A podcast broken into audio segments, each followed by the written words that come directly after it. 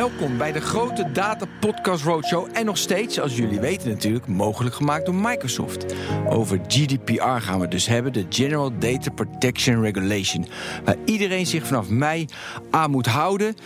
En u en ik natuurlijk ook. En vandaag, we hebben het over het wat hebben we het gehad in de vorige aflevering. Over het hoe en het waarom. Vandaag gaan we breed. Vandaag gaan we alle spelonken van privacy gaan we ontdekken. Wat is privacy precies? Wat is de herkomst? En hoe is onze kijk op privacy in de loop van de tijd veranderd? En waar moeten we in de toekomst mee rekening houden als we het over privacy hebben? En ik heb twee, natuurlijk zoals iedere week, maar nu weer twee fantastische gasten. Merel Koning, welkom. Dank je. Jij bent onderzoeker aan de Radboud Universiteit in je specialisatie Privacy en Technology. Klopt. Ja, mooi. En ook Frank Meester, filosoof. Ook nog technologie, filosoof of heel breed? Ik ben breed, maar ik heb me zeker bezig gehouden met uh, technologie. Ja. ja, nou, we zijn natuurlijk heel erg benieuwd. En we gaan gewoon met de meest simpele vraag, want dat vind ik altijd beginnen bij het begin. Wat is privacy eigenlijk, Merel? Um, dat is een hele goede vraag. Um, want er is eigenlijk geen eenduidige definitie uh, van. Ook in de wetenschap zijn er allerlei verschillende definities die worden gebruikt. Um, bijvoorbeeld, uh, privacy is het recht om alleen gelaten te worden. Dat is een definitie die kwam mm, eind 19e eeuw, toen fotografie werd ontwikkeld. Maar in de jaren 70 kwam een definitie veel meer op controle gericht. Dus privacy betekent het controle hebben over je eigen gegevens. Dat werd ingegeven door de ontwikkelingen van uh, databanken, bijvoorbeeld. En nu zie je eigenlijk dat privacy veel meer te maken of tenminste, de populaire uh, definities van het moment, daarin zie je dat privacy veel meer uh, zich richt op ontwikkeling van een individu, op vrijwaring van, van inmenging daarin, maar mm -hmm. ook op controle. Dus dat er een meer bredere definitie is die um, die andere twee aspecten erin heeft. En waarbij het individu en de zelfontplooiing centraal staan. Maar als je het in één tweet zou moeten zeggen.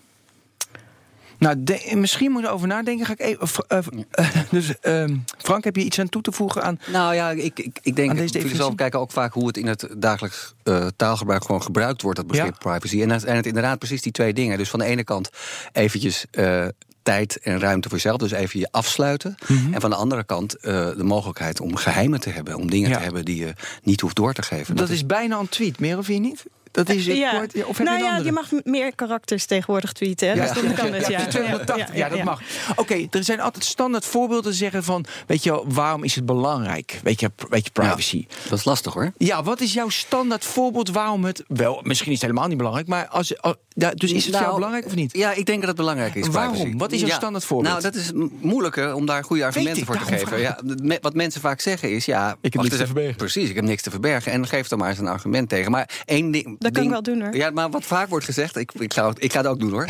Eén uh, ding wat vaak wordt gezegd is natuurlijk, ja, wacht eens even, nu heb je niks te verbergen, maar uh, wie, wie komt er straks aan de macht? Ik bedoel, je, ja, ander als, regime. als ander regime, ja, dat is natuurlijk, en dat is, dat is waar, hè, dat is lastig. En dat gaat nu er wordt nu wel gezegd dat we niks te verbergen hebben. Maar tegelijkertijd is dit privacyprobleem... dat speelt eigenlijk niet zozeer voor de overheid, ook wel hoor. Dus we, maar toch ook heel veel voor bedrijven.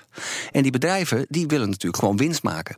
En dat, dat blijkt steeds meer dat dingen als... bijvoorbeeld je hebt zoiets als nudging, weet je wel? Ik weet, dat is dus Nee, als je, je hoeft niet uit te leggen, want de, iedereen ja. weet wat nudging Nee, is. in deze, zeg maar, Ja. deze luisteraar wel. Oké, nou...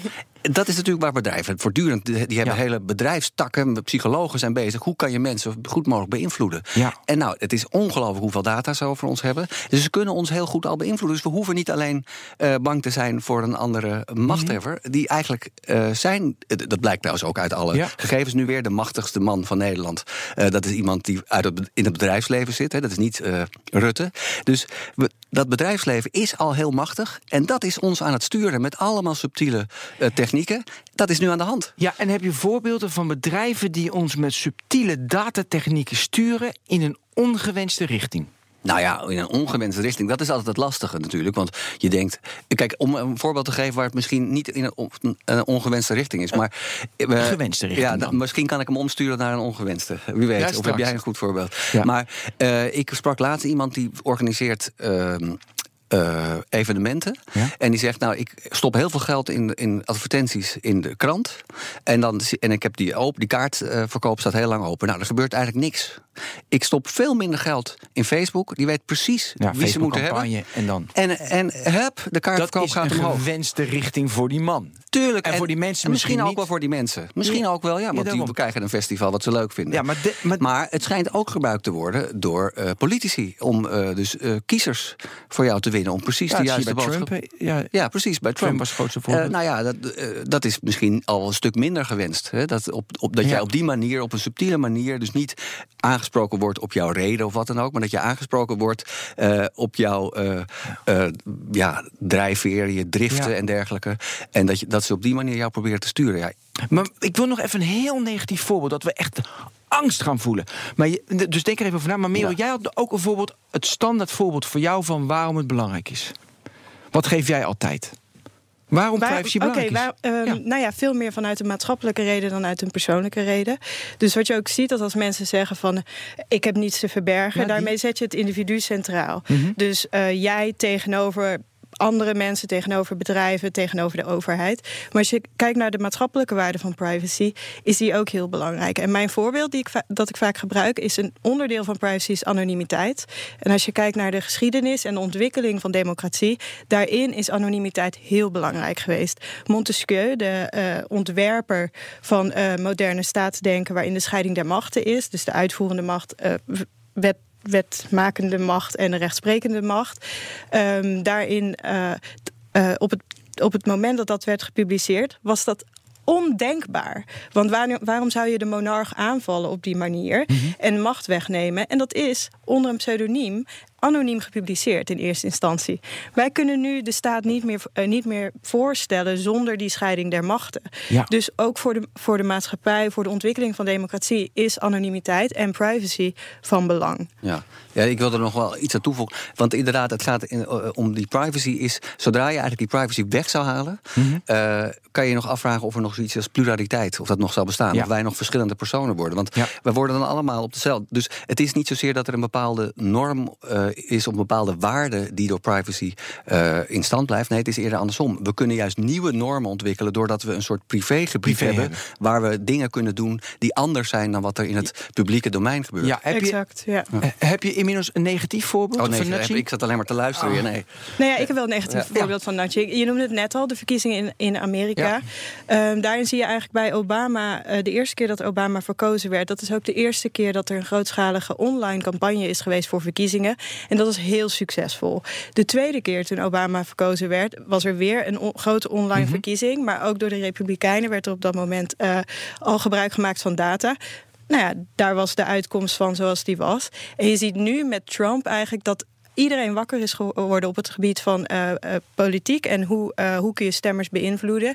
En daarin zie je van allerlei kanten dat er aan die Fake news, Precies. dat, die hele aan, discussie. Exact, aan die stemmer getrokken wordt. En dat gebeurt op hele subtiele manieren. Ehm, een manier waarop er stemmen gewonnen worden in Amerika is bijvoorbeeld door het hebben van profielen en dat gewoon aan mensen te geven Ja. die langs deuren willen gaan. Dus dan komt je buurman langs en die kan gewoon jouw online profiel inzien en die ziet dat jij mogelijk gevoelig bent voor een bepaald argument in de abortusdiscussie. Ja. Dus die probeert jou te over, overhalen om voor een bepaalde kandidaat te stemmen op basis van die gegevens. En daarom is het belangrijk. Eh, Frank, voor jou. eh, houden filosofen zich, eh, de grote filosofen, hebben zich die ook met privacy bezig gehouden? Of was dat een Ja, onderwerp natuurlijk. totaal niet boeiend vond? Nee hoor, er is, is een heel, beroemd eh, fragment uit de filosofie... is bijvoorbeeld van Michel Foucault. En die beschrijft daar het panopticon. Dat is dus een soort gevangenis waarbij... In Ja, de koepel Een koepelgevangenis. Ja, precies. Een koepelgevangenis waarbij vanuit één punt Ja. alle gevangenen eh, beschouwd kunnen worden. En die gevangenen die weten zich dan de hele tijd gadegeslagen. En daardoor is het argument van Foucault, en trouwens niet alleen van Foucault, want het is een ontwerp uit een tijd daarvoor, dus het is daarom ontworpen, Ja. gaan die mensen zich netjes gedragen. Dus die verdragen zich heel erg volgens de regels, omdat ze de hele tijd gadegeslagen worden. Dus dat laat heel duidelijk zien dat als jij geen eh, privacy hebt, eh, dat jij eh, ja, je op een bepaalde manier gedraagt. En natuurlijk is het zo dat de regels die in de maatschappij gelden, dat die heus wel doorcijpelen in jouw privégebieden. Je kan niet zomaar even eruit stappen. Maar het is toch goed om die grens heel duidelijk te hebben, zodat je in ieder geval ja, ja, je vrij voelt om dat wel een beetje te doen. Ja, maar in dit voorbeeld netjes gedragen, even heel plat, dat willen mensen ook. Van, oh, ze gedragen zich netjes. natuurlijk. Ja. Top. Ja, nee, maar goed, we willen weer. Ja, nee, maar dan komen we weer terug op het argument van die, van die pluraliteit. Dus we kunnen wel, als we ons allemaal keurig gedragen. Ik bedoel, eh, Hitler wilde ook graag dat we ons allemaal keurig gedraag, eh, gedroegen. Volgens wat hij eh, onder keurig Ja, verstond. onder zijn norm. Ja. Ja, en eh, dus dan, dan worden we een soort. ja, het klinkt een beetje. Pathetisch, maar dan word je toch een soort machine natuurlijk die gewoon doet wat er gedaan moet worden. En ja, wij geloven graag in het feit dat wij een persoon zijn die eh, eh, regie heeft over zijn leven en daar zelf vorm aan kan geven. Ja, maar daar zit dus wel een balans in. Ja, aan de ene kant, toch? Ja, nee, natuurlijk. Het is nooit het een of het ander. Ik bedoel, totale privacy bestaat niet. Want we sowieso. Maar dat moet je als persoon ook niet willen. Nee, dat moet je ook niet willen. Want nee. een onderdeel van privacy is ook juist dat je relaties met anderen kunt aangaan en gegevens of informatie over jezelf kan delen naarmate je dat wil. Ja. ja. dus het is altijd een gradueel verschil tussen meer of minder privacy. Ja. We gaan naar technologie. Merel, hoe verhouden privacy en technologie zich tot elkaar? Wat, wat is de invloed technologie? Hoe heeft dat de privacy beïnvloed of niet? Ehm, nou ja, je ziet dus wat ik ook Wel, e- eerder, ja, ja, nou, wat ik eerder noemde van, eh, je ziet dat die definities van privacy veranderden naarmate technologische ontwi- eh, ontwikkelingen in de maatschappij eh, Mhm. kwamen. Dus het controle hebben over je gegevens toen de databanken kwamen. Je ziet nu ehm, dat mensen zich veel meer met privacy bezighouden, omdat ze zich realiseren dat sociale netwerken echt hun sociale leven uitmaken. Dus in die zin zie je daar absoluut een relatie. Maar dat is niet altijd per definitie een negatieve relatie. Je ziet ook positieve aspecten waarin eh, dus technologische ontwikkelingen privacy op een hele goede manier kunnen beïnvloeden. Ehm, neem bijvoorbeeld. eh, ehm, het voorbeeld van ehm, een, een, telefo een telefoonoperator. Dus de, de persoon die achter de schakelkast zat als je iemand vroeger belde. Ja. Nou, ja, op het moment dat de draaitoetstelefoon werd uitgevonden, werd dat geadverteerd als secret telephoning, the best invention. You can have uh, confidential calls. En dat is waar. Eh, dus er zat niet meer een derde persoon in het midden mee te luisteren naar wat jij met de ander aan het bespreken Ja. was. Dus dat is een enorme stap eh, vooruit in, eh, in het privacy. En wij vinden het nu normaal dat wij eh, eh, vertrouwelijkheid hebben in een telefoongesprek. En er moet eh, een, een warrant, een, er moet toestemming zijn om jou te kunnen afluisteren. Precies. Ik denk aan Ehm, netneutraliteit, weet je, discussie die heel erg speelt. Ja, nou ja, Amerika natuurlijk een discussie die in Amerika nu weer Ja. heel actueel is. Maar inderdaad, daar ook. Daar heb je dus wat daar zou gebeuren, was dat dan een derde persoon, dus eigenlijk een man in the middle, zou dan je internetprovider worden. Waardoor je dus eigenlijk niet meer het internet op kon zonder die man in the middle. Nu kun je dat nog. In Nederland kun je dat wel doen door je internetverkeer op een bepaalde manier in te richten. En bijvoorbeeld geen gebruik te maken van diensten zoals Google en Hotmail. eh, maar je eigen server te hebben, noem maar op. Ja. Eh, maar daar is dat dus, nou ja, als het doorgaat wat de FCC wil, eh, is dat onmogelijk. Ja. Frank, is het een westerse uitvinding? Privacy? Ja? Nou, dat vind ik een goede vraag. Dat, ik vraag me af, hebben we echt, is het een iets menselijks? Hebben alle mensen behoefte aan privacy of niet? Ik weet het niet helemaal. Ik, ik weet wel dat, waarom ik me kan voorstellen dat je er behoefte aan hebt... is dat mensen schijnen ook erg behoefte te hebben aan controle. En door natuurlijk je eigen eh, gebiedje te hebben... je eigen huis waar je even thuis bent en waar jij de baas bent... Dat is fijn. Dus in dat opzicht denk ik dat mensen dat eh, behoefte hebben. Maar ik kan me wel herinneren dat ik ben zelf, was alweer twintig jaar geleden, was ik een tijdje in Burkina Faso. En het viel me daar bijvoorbeeld op dat dingen die voor mij heel erg eh golden als Privé, privacy, ja. privé, eh, als ik bijvoorbeeld zat te lezen of in mijn hotelkamer was, dat dat daar helemaal niet zo ervaren werd. Dat me daar voortdurend bij stoorde. Dat er zelfs in mijn hotelkamers allemaal mensen binnenkwamen. Dus op, ik weet niet of er geen privacy is. Dat kan, daar, daardoor ken ik het niet goed genoeg. Maar in ieder geval is er een hele andere opvatting van privacy dan ik had op dat moment. En dat viel me pas op dat Ja. toen het opeens, die opeens verstoord werd, viel me eigenlijk pas op dat ik bij dat soort dingen verwachtte dat mensen het afstand houden. Ja, Merel, eh, heb, jij, eh, heb je ook zo'n voorbeeld? Eh, ja, ik heb een tijdje in Japan gewoond. En daar, ehm, daar zie je sowieso eh, ehm, dat de cultuur helemaal anders is. Maar ook vanuit een andere eh, wortel, zeg maar, wordt nagedacht over de maatschappij. Hier in het Westen hebben we een cultuur van, eh, ja, precies, En een cultuur van rechten die aan een individu zijn verbonden. En in Japan heb je dat eh, niet. Daarmee gaat het, daarbij gaat het veel meer om de relatie tussen jou en mij. Dus die relatie staat centraal. Daar is ook een specifiek begrip voor, wat zich niet vertaalt naar een westers woord, omdat wij dat niet kennen in ons denken.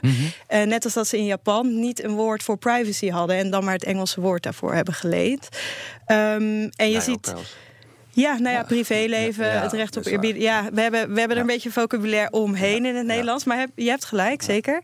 Ehm, en wat je, wat je ziet in, in Japan, door die relatie die centraal staat. Ja, mensen wonen daar van oudsher in eh, huizen met papieren wandjes. Eh, daar zie je dat het veel meer de plicht is om dingen die je hebt gehoord binnen een gesprek waar jij geen deelnemer van was. Is het veel meer je plicht om dat niet tegen iemand te gebruiken of door te vertellen. Ja. Dan dat jij als individu recht hebt op een eh, dubbelwandige bakstenen muur. eh, om je gesprekken eh, vertrouwelijk te houden. Of Mhm. omdat, jij, omdat jij het recht hebt op vertrouwelijke gesprekken. Dat daarom de ander jou iets aandoet op het moment dat het wordt doorverteld. Het is Ja. veel meer bij die derde persoon die niet in die relatie staat. Ja. Dus dat is echt een ander denken over privacy. En ik vond dat ook mateloos interessant, kan ik je vertellen, toen ik daar was. Vind je dat beter? Eh, nee, anders. Dus anders, maar Ja. daar heb je geen oordeel op. nee, nee. Nee. Het zou natuurlijk mooi zijn om het te combineren. Wij kennen het natuurlijk ook wel een beetje. Als jij stiekem per ongeluk iets hoort waar je, wat je eigenlijk niet zou moeten horen, dan vind je dat toch vervelend om dat aan een ander te vertellen, toch? Die, die, Ja, wij kennen dat je, wel, ja. dan hou je dat voor je. Klopt. Dus, Ja. dus wij hebben dat ook wel, maar waarschijnlijk is het minder sterke mate. Omdat, Ja, Eh, dat, dat ja. denk ik ook. Ja. Ja. precies. Dus het is wel, zeg maar, het zit wel in de westerse cultuur dat er een soort van morele plicht is om dingen niet door te vertellen die Ja. jou niet toebehoren. ja. Maar daar is het ondenkbaar dat je het zou doen. Zeg Ja. maar vanuit, vanuit zeg Ja. maar, de oude Japanse cultuur. Want Ja. er is natuurlijk heel veel westerse invloed inmiddels. En het is jaren, niet eh, zwart-wit. In Japan Ja. schijnen ze toch ook heel veel hun toilet door te trekken, omdat, ze dan, omdat je anders die toiletgeluiden zo hoort. Dus dat ze heel te Oh, dus doortrekken. je hebt het van zodat tevoren. je, ja, dus gewoon Ja, tijdens en het. muziekjes, hè? en muziekje, ja, dus ja. dan speel je de muziekje Dus- terwijl je lekker een warme eh, op het bril. toilet Ja. zit. Ja. Heerlijk. Ja. Ehm, Ja. ik heb ook Dat vind ik 18 overigens wel jammer dat het niet in Nederland Dat we is. geen warme, warme bril maar dat is wat en- anders. En muziek Ja. op het toilet. Maar Ja, wat ja. heeft de warme bril met privacy te maken? Helemaal niets, maar we mochten way off gaan vandaag. Daarom. Nee, maar ik, ik, eh, ik hoorde weer van iemand, dat vond ik ook wel een mooi, mooi inzicht. Als je bij ons vier, vijf eeuwen teruggaat, dat zie je al in de kunst. En ja, dan ging je naar het toilet gewoon naast elkaar, helemaal Ja. geen privacy. Ja. En nu de laatste. Dat is ook wat jij zegt, het wordt steeds belangrijker. En misschien over 200, 300 jaar dat we ook in het Westen denken, waar praten we over? Als ik nu met jeugd praat, met jongeren, die denken, waar heb je het over? Zien die het belang niet? Of zijn wij. Nou, het is wel wonderlijk inderdaad dat juist dingen die, zoals eh, poepen en plassen, wat natuurlijk iedereen doet, eh, en je weet het ook van elkaar, daar mag je dat toch niet zien. Hè? Ja. Dus het gaat vaak helemaal niet om geheimen. Het gaat juist helemaal niet om dingen die, je, Nee. eh, die uniek zijn voor jou. Het gaat juist vaak om iets wat je met iedereen deelt. En Ja. dat wil je niet laten zien. En Ja. Merel, heb jij nooit van ik wil die trend doorbre- ik wil die trend doorbreken en ik ga dat nu wel gewoon met de deur open, ga ik naar het toilet? Nee, dat heb je niet.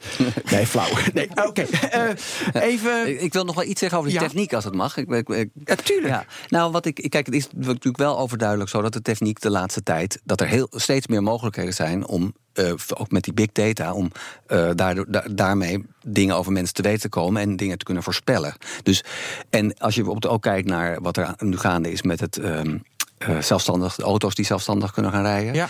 Eh, dat wordt allemaal van bovenaf bestuurd. Op dat moment kan jij niet meer een bank overvallen. Ik noem maar iets met je auto. Want dan weten ze precies natuurlijk dat die auto voor jou door, voor de bank heeft gestaan. Dus je kunt je wel afvragen of die techniek. eh, dat dat Ja. wel goed samengaat met privacy. Nou ja, en, en, Maar en die- nu komen we op het punt, de GDPR. Die Ja. wet, weet je, want dat, zijn, eh, dat Ja. wilden ze beschermen. Dus ik wil even voor de luisteraar die de eerste drie, nie- niemand heeft het gemist, maar GDPR even heel kort. Dus het recht, eh, weet je, dat je, dat je zeg maar, toegang hebt tot je data. Er zijn heel veel regels.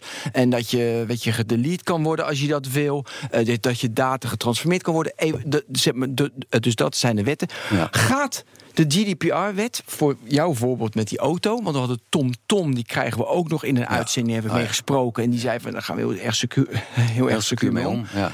Nee, die hebben we al gehad, hebben we Tom Tom. Ja, die hebben we gehad. Die vertelde, nou dan weet ik het ook niet meer, maakt niet uit. Maar gaat dat het redden? Ja. Merel, daar heb jij over nagedacht. Ehm, Nee, daar heb ik niet over nagedacht. Ja, het zou zomaar kunnen. Nee, maar gaat de GDPR-wet, is dat voorbeeld wat Frank gaf, met je auto, al die, weet je, want de nieuwe technologie, ga- gaat, gaat dat helpen? Nou ja, de vraag is waar het tegen beschermt. Dus de GDPR is eh, ont- ontwikkeld voor een eerlijke markt. Dus dat overal in Europa uh, gegevensverwerkers zich aan dezelfde regels moeten houden. En voor privacybescherming van uh, degene over wie die gegevens gaan. En um, als je kijkt naar slimme auto's, ja, er zit heel veel persoonlijke informatie, wordt er verwerkt door zo'n computer van een auto. En inderdaad, je zei het al correct, heel veel van die berekeningen gebeuren niet in de auto, maar gebeuren op iemand anders hun server. Uh, en die server die moet, of zeg maar die berekeningen zullen dan ja, ook aan de GDPR moet ik voldoen. Iets, ietsje nuancerend. Ik heb mhm. een Tesla, dus. uh, en die data kan natuurlijk niet in real time weg worden gestuurd. Want nee, er is nee, veel, nee, veel data. Precies. Ik bedoel, dat zijn natuurlijk databakken die later naar de server gaan. Dan worden ze berekend. Kijk, En dan krijg ik een update. Nu, dat gaat zo. Maar toch, daar gaat het niet om. Het gaat om van de nieuwe technologie, bijvoorbeeld een zelfrijdende auto. En je data, hoe, eh, of de GDPR-wet daarvoor bestand is. Of die daar of die daarmee kan omgaan en of het dan goed gaat. Toch, Frank? Dat is ook ja, jouw dilemma. ja, dat is mijn dilemma. ik, ik, vind dat moeilijk te zeggen. Ja, dat, dat, daar ben ik niet genoeg jurist en niet genoeg Ja, maar uh, Merel weet het wel. Ja, ja, ja. Nou ja, mijn, mijn grote probleem met de GDPR. Ik zie ook heel veel positieve aspecten in de GDPR. Maar, maar een van de grote problemen van de GDPR vind ik dat consent, dus toestemming, uh, een hele centrale rol krijgt. Um, dus dat betekent dat je toestemming geeft voor de verwerking van je gegevens. En je ziet dat in een Internet of Things omgeving, wat inderdaad een slimme auto is, die uh, op basis van sensoren rijdt en andere externe uh, input. Mm -hmm. Je ziet dat daar zeg maar, het geven van consent onmogelijk is. Dus je moet een keer toestemming geven. En je begrijpt eigenlijk niet als, uh, als burger waar je nou exact toestemming voor geeft. En um, voor mij um, vind ik dat een zwakke plek. En die zwakke plek die wordt ook gewoon doorgezet vanuit Europa. Want de e-privacy uh, regulation wordt op dit moment ontworpen. Ja. En daar zit weer toestemming in als echt belangrijke pijler. En ik vraag me af of dat een juiste uh, verwerkingsgrond is. Omdat iemand gewoon hier, jij en ik, mm -hmm. ik ben erop gespecialiseerd, maar zelfs ik denk al, oké, okay, nu moet ik toestemming geven en nu moet ik dus gaan berekenen zelf als een speler op de markt of het een goede beslissing is voor mijn toekomstig handelen ook. Wow, dat is dat ik hier toestemming maar, geef. Je doet het ook vaak snel. Je bent bezig en je Precies, ik bedoel die hele cookie uh, uh, button die opkomt, dat is gewoon oké, okay, staat gelijk aan whatever. ja. Maar even, dus ik vind die auto, want dan geef je wel toestemming. Als ik die auto ga rijden, moet ik gewoon ja, ik geef overal toestemming voor of niet. Dus daar heb ik nog zelf ja geklikt. Ja, oké. Okay, maar goed, maar, oh, nee, maar een ander voorbeeld. Als mijn telefoon met een uh, met, uh, zeg maar, met wifi automatisch contact maakt, ze pakken mijn gegevens van mijn telefoon, weet je, de, weet je dat soort dingen. Mm -hmm. Hoe gaan we dat doen? Ja, dat is heel lastig. Daar zie je wel dat het, uh, de autoriteit persoonsgegevens heeft onlangs over ongeveer zo'n uh, situatie uh, uh, wat gezegd. En dat was. Um, dit kan niet. Dat ging geloof ik over slimme prullenbakken in Rotterdam. Ja. Uh, slim, zeg maar. En Met dat sensor erin en dan is die vol en dan, krijg je, en dan krijgen ze een notificatie en dan gaan ze hem legen. Nou, nee, niet zo'n slimme prullenbak. Dit was niet zo slim. Het was iets nee, minder slim. Ik, ik weet ook niet zeker of het nou prullenbak waren of winkelpoortjes, maar het Doet speelde zich in ieder geval in de, koop, koopgoot af. Dus uh, dat maar is dan het, weten we genoeg. Ja. Stel je de koopgoot voor en daar dan allemaal sensoren in. Um, en daarin uh, heeft uh, de autoriteit persoonsgegevens gezegd dat het, in de, dat het niet mag. Dat je niet als iemand zomaar langsloopt, dat je dan even zijn wifi-adres ja. snift, zeg maar. Ja. Gewoon, en dan opslaat. En op basis daarvan dan dus kunt kijken hoe vaak iemand langsloopt, of ja. iemand stil blijft staan, welke winkels ingegaan wordt, et cetera. Ja. Um, dus je ziet dat, en dat je ziet eigenlijk dat op dat soort uh, um, verwerkingen. Um, strikter gehandhaafd moet worden. En dan hou je natuurlijk altijd nog die toestemming, die eigenlijk voor veel mensen ook uh, uh, een, ja, een, een is. Of een, een, nou ja, een vinkje. Ja, een vinkje. Ja. Maar dat is denk ik precies wat en er aan de hand is. En daarin vraag ik me dus af of de GDPR effectieve rechtsbescherming Maar, maar wat, wat, er volgens mij dus inderdaad aan de, misschien aan het gebeuren is, is dat die. Um, die vinkjes, mensen interesseert het ook niet zoveel. En dat, de techniek is denk ik toch vaak sturender dan maar denken. Ik bedoel, wij, het is niet zo dat wij daar even buiten staan bij de techniek. Wij zijn eigenlijk bij. Die techniek heeft ons gevormd zoals we zijn en die verandert ons ook steeds weer.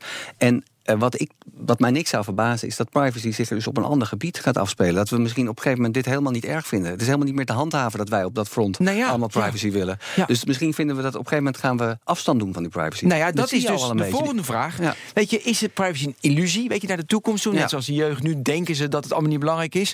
Of, weet je, is het een illusie, een achterhoede gevecht? Of toch blijft de elementen... Nou, kijk, nou ja, je ziet wel bij jongeren... Je, je ziet wel bij jongeren dat... Uh, um, dat die privacy, daar wordt inderdaad, wij denken dat er heel laconiek over, over gedaan wordt. Ja? Maar als je dan een, een jonger iemand de algemene voorwaarden van Facebook voorleest, maar dan Facebook verandert voor je moeder, dan schrikken ze zich helemaal kapot. Ja, dus weet je, privacy is ook heel erg contextueel. En, en, als je ze dan uitlegt wat je moeder zoal mag, dat is onder andere delen van je gegevens met die enge oom, maar ook met, uh, uh, met de rest van de familie en de buren en het buurmeisje die je leuk vindt. Nou, dan houden ze wel op. Weet je wel, dan, dan, dan, dan dus komt er enig zegt, besef. een besef van bewustwording. Ja, dus ik denk ook wel in die bewustwording. Zie je nu ook bijvoorbeeld vanuit de kunsten uh, een hele interessante uh, stroming. Waarbij bijvoorbeeld een kunstenaar, dat, dat is een heel leuk project, dat heet Tinderin. En daar heeft hij een expositie gemaakt met de foto's van die iemand op zijn Tinder profiel heeft. En de foto's die iemand op zijn LinkedIn profiel heeft. En dan naast elkaar. Mhm. En daarin zie je inderdaad van privacy is zo contextueel. En die controle zit daarin van wat geef je bloot, hoe wil je jezelf presenteren. Want ook formaliteit is een vorm van privacy. Het op afstand houden van iemand. En een bepaalde uh, een masker opzetten om aan de maatschappelijke verwachting te voldoen. En ook daarvoor is privacy heel belangrijk. Hm. En ik denk dat jongeren, weet dat, het is altijd geweest dat jongeren privacy niet belangrijk vonden. Vroeger als je ze opbelde, vind je het vervelend dat er telefonisch ge, geënquêteerd wordt? Nee, ja, tuurlijk niet. Je hebt geen telefoon. Vind je het vervelend dat uh, je, je, je, je banenkansen hierdoor beïnvloed worden. Nee, want je bent nog geen participant op de arbeidsmarkt. Ja. Dat komt echt pas eind, weet je, als iemand eind, ja, eind 20 is, waarbij zeg maar die volledige eh, maatschappelijke participatie is. En dus ook het volledig bewustzijn van de invloed van privacy. Dus het denken van. Ja, maar ik, toch, oh, die ik ben het wel met je, ik denk zeg maar, ik ben het met je eens, maar als ik naar mezelf kijk, ik zit toch voortdurend allemaal dingen te klikken. Ik heb gewoon haast. Ik weet dit soort dingen. De technologie doet meer dan je zelf bewust kan zijn als mens. Ja, dat is een beetje jouw stelling. Dat is mijn punt. We, we, we gaan daarin mee. Die technologie, mhm. die, dus wat vaak wordt gezegd is ons denken, de verklaring van de rechten van de mens, al dat soort dingen, die bepalen wat wij, wat, hoe de wereld in elkaar zit, de ideologie. Maar het is vaak juist andersom. De, technieken, de dingen die er zijn, de, deze tafel, hoe wij hier tegen opzichte van elkaar staan, die gaan bepalen hoe wij met elkaar praten. en die gaan dus ook voor zorgen dat het misschien wat dat, dat privacy-idee, zoals dat er nu is, dat het weggaat. Maar als het zo is dat we er wel behoefte aan hebben, dan zullen we op andere fronten, denk ik, uh, onze privacy zoeken. Ja, we, we moeten afronden. En we hebben afgesproken met elkaar dat deze podcast maximaal 25 minuten zou duren. Ja, ik Wat heb, jammer. Ja, belachelijk gewoon wie dat verzonnen heeft. Maar goed, er zijn allemaal wetten, weet je. Nee. Oké, eh, fantastisch. Onwijs bedankt dat jullie wilden komen. Dat we even heel breed konden over GDPR en over privacy. We hebben alles gehad. Um, Merel Koning, onderzoek aan de Radboud Universiteit, bedankt. Je specialisatie is nog steeds, hè, ook na nu privacy en technologie. Frank Meester bedankt. Filosoof. Mooi als je filosoof bent.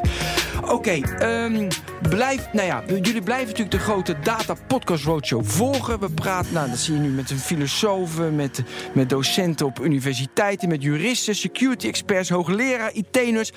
Met iedereen die je maar kan verzinnen die iets heeft met GDPR. Tot de volgende podcast.